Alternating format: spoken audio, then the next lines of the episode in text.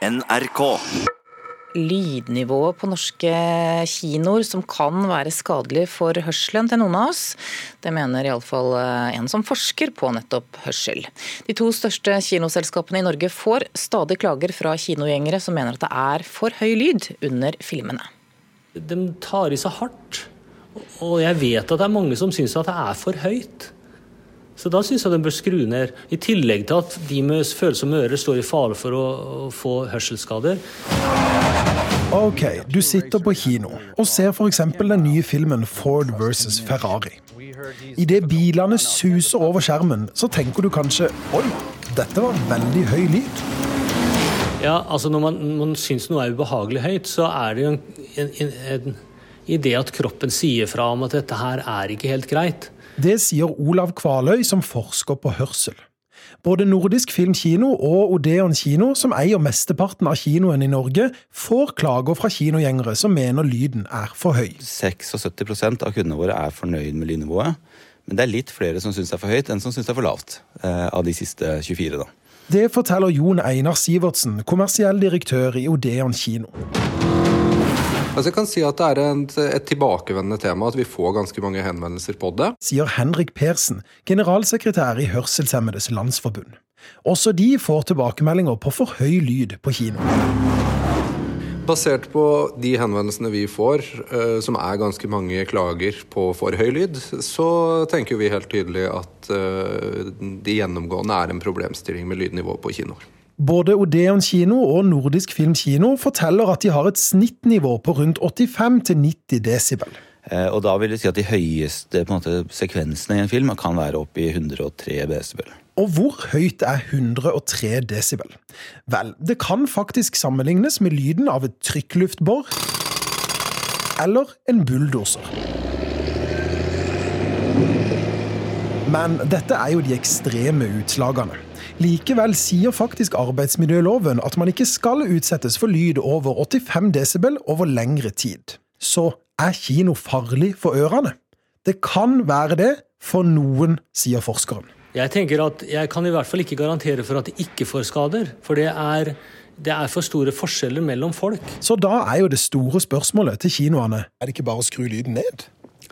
Altså, Lyden skal være riktig, og du skal også få med deg hva folk sier på i en dialog. Eh, og Det er utfordringen at når en film er lagd på et visst nivå, og at hvis vi setter lyden for lavt, så vil det jo da stemme, tale, hvisking Det vil implodere og bli borte. Sier sjefen for Odeon. Salgs- og driftsdirektør i Nordisk Filmkino, Espen Lundberg Pedersen, sier at det også handler om å ikke tukle med åndsverket til filmskaperne. Kinoens oppgave er derfor å gjengi både lyd og bilde, slik som filmskaperne har tenkt at filmen skal oppleves.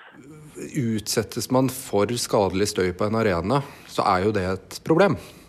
Eh, og det å dekke seg bak eh, åndsverkslov eller kunstnerisk frihet eh, er jo en problematisk argumentasjon. Svarer Hørselshemmedes Landsforbund. Begge kinoaktørene sier til NRK at de følger nøye med på at kinosalene har god og ikke for høy lyd. Odeon kino sier til og med at du har krav på en ny kinovisning hvis du opplever lyden som for høy. Kan de gå ut og få pengene tilbake? Da kan de få billett til en annen forestilling på et annet tidspunkt. Det sa sjef for Odeon kino, Jon Einar Sivertsen, og reporter var Christian Ingebretsen. Jeg sa ingen metafor eller bilde på noe, ingen punchline delicious på det lite luka. Første dagen da det åpna. Jeg var der, jeg var der, jeg var der. Jeg var der. I august 2021 så skal altså rappgruppa Karpe overta Oslo Spektrum i en måned. De har planer om å holde ti store konserter i Oslos storstue. Det er slik at eh, det fortalte de til oss her i Nyhetsmorgen for en eh, times tid siden. Da møtte de vår reporter Christian eh, Ingebretsen. Vi kan jo ta et lite gjenhør med det. Altså, nå står jeg i et uh, uvanlig fargerikt uh, kontorlokale midt i Oslo sentrum. Uh, for dere som hører dette på radio, så her står det noen gamle SAS-flyseter. Og så er det en ganske sånn fersk plakat eh, med bilde av Chirag Omegdi, som sitter på to hester eller esler. Og så står det 'Carpe Diem'. Eller Karpe Spektrum ganger ti. Og så er det ti datoer uh, i august 2021. Og vi kan jo spørre deg, Chirag og Magdi, dere er jo her sammen med meg. Uh, Magdi, du er jo uh, kjent for å si lite ved hjelp av få ord, men jeg skal likevel gi deg, gi deg et forsøk. Hva er det dere har stelt i stand nå? Uh, nei, nå planlegger vi det største vi uh, noensinne har gjort. Uh, en måned i Oslo Spektrum med ti da shows. Og av den gjengen som kommer dit, så kommer vi til å plukke ut 100 stykker som får kanskje, ikke kanskje egentlig, den mest intime opplevelsen vi har Vi og kanskje noen andre noensinne. Må alltid gå for det. Ja, Når det er nyheter. har gjort. For det. Ja, for det skal altså da fylle Spektrum ti ganger. Dere har jo liksom en gang gjort det én gang, og så gjort det tre ganger, og så ti ganger. Og så skal dere fylle et, et lite teater i Skien med da 20 personer fem kvelder, er det riktig? Det stemmer. Ja. Altså, jeg liker at du sier 'skal', at vi skal fylle. Det, det er tryggende. Ja, ja, ja. Uh, uh, Chirag, uh, har det blitt stormannsgale? Eh, nei, det, det, får jo tiden vise. Men vi, eh, vi, liker liksom ideen med å gjøre et stort, det store showet, altså Spektrum-konsertene, og også gjøre det mest intime vi har gjort noensinne. Der det er 20 mennesker per kveld. Det er ikke så veldig stor man skal tenker jeg. Kanskje det er omvendt. Ti kvelder i Spektrum, det er ja, ja. Men 20 mennesker per kveld i Skien det, også, det, er, så det, det, det handler om å utfordre seg selv, og kanskje å klare noe så kontrast fylt som det. Eh, så gjenstår det å se om det går, da. Jo, men eh, vi er spent. Det hadde vært veldig kjedelig å putte alle kortene på et eller annet sted midt imellom. Det er mye morsommere å dra det ja. til det ekstreme. Da. Ja, ti, ti arenakonserter, det kan jo Coldplay gjøre også. Det spennende er at det har en kontrast. Har det blitt liksom veldig viktig for dere å som du sier, dra det ut i det ekstreme? Vi kjeder oss veldig fort. vet du. Han kjeder seg fortere enn meg. Du kjeder deg fort. Jeg gjør det. Jeg bare er med. Jeg bare er med. Mm. Har, eh, har, dere planer om å gi ut noe musikk i forbindelse med dette, eller blir dette først og fremst konsertdel? Eh, vi, dette er jo også, må jo også legges til at det er det eneste vi gjør.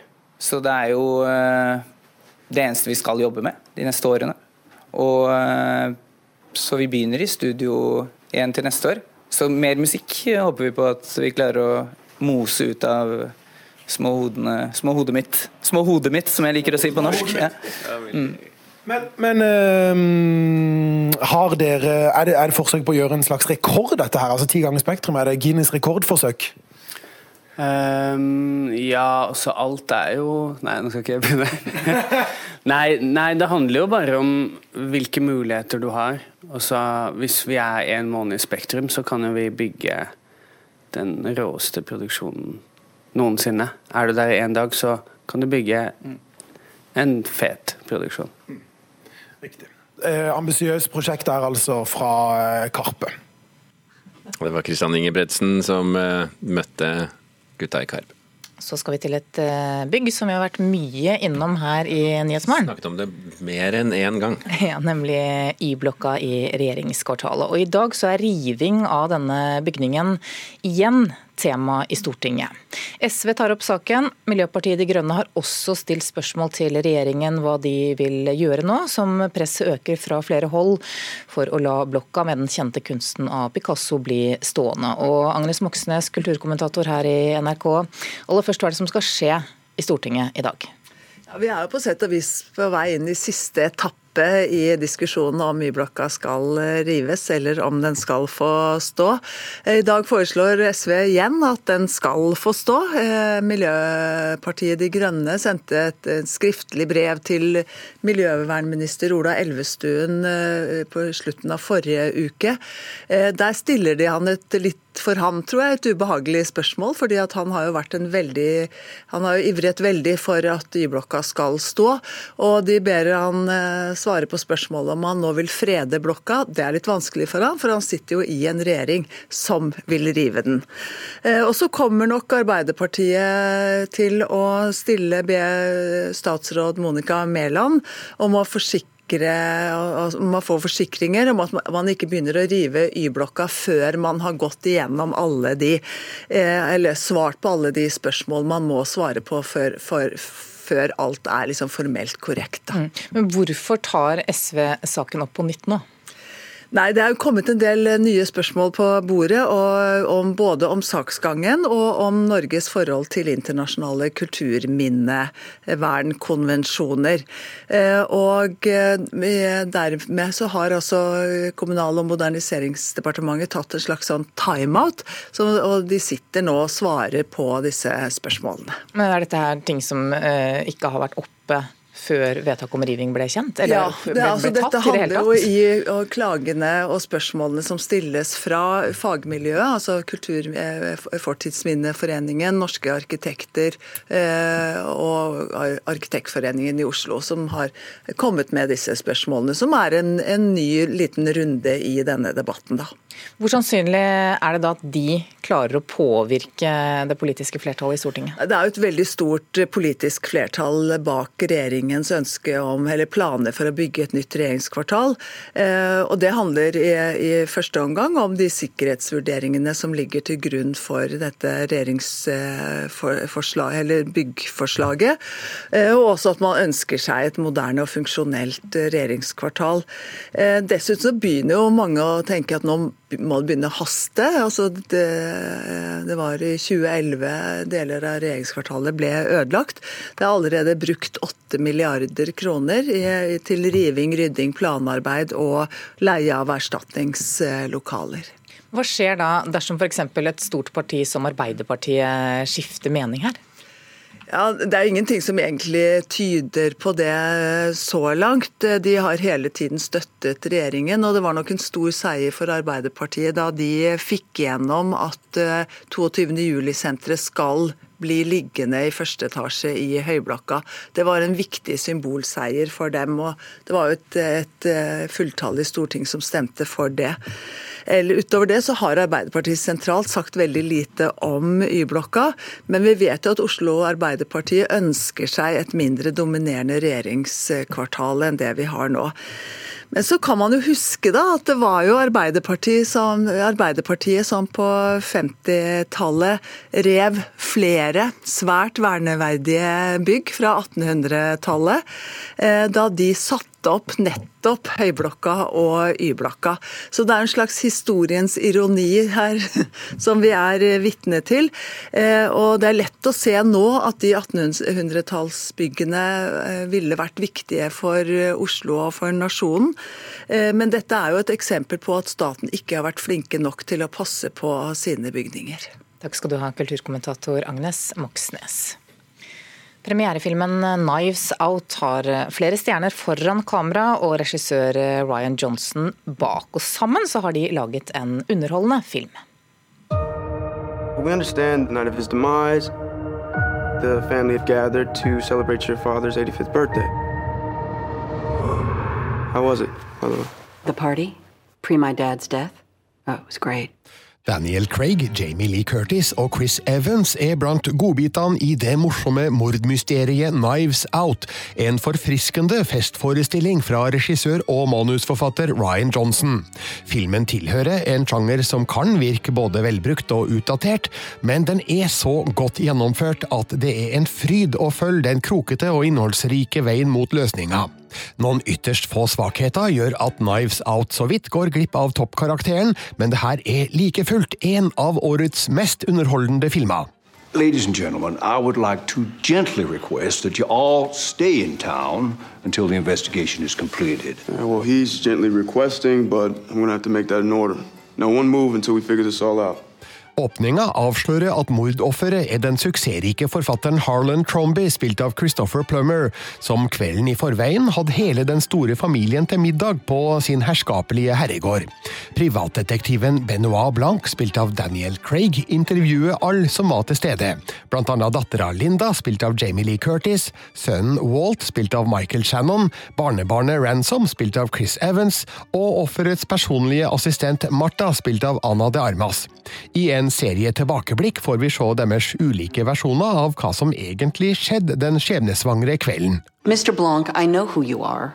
I read your profile in The New Yorker. I found it delightful. I just buried my 85 year old father who committed suicide. Why are you here? I'm here at the behest of a client. Who? Innledninga gir en saftig og spennende introduksjon av et rikholdig persongalleri, der det skal vise at nær samtlige har noe som kan ligne et motiv. Det er imponerende hvordan Ryan Johnson legger ut alle de her forskjellige trådene, uten at det blir kaotisk og vanskelig for publikum å holde følge. Det er åpenbart at Knives Out er et overskuddsprosjekt for alle involverte. Filmens eneste reelle svakhet er at flere av familiemedlemmene etter hvert havner i bakgrunnen, til fordel for figurene som viser seg å være de mest sentrale. Den festlige introduksjonen av samtlige lover mer moro enn enkelte av dem får tid og mulighet til å levere. Knives Out er likevel omtrent 99% vellykka, med en uanstrengt fortellerglede og et underholdende mordmysterium som holder seg interessant til siste akt. You will find me a respectful, quiet, passive observer of the truth. Terningkast fem. Det terningkastet ble gitt av vår anmelder Birger Vestmo, og Knives Out premiere på fredag.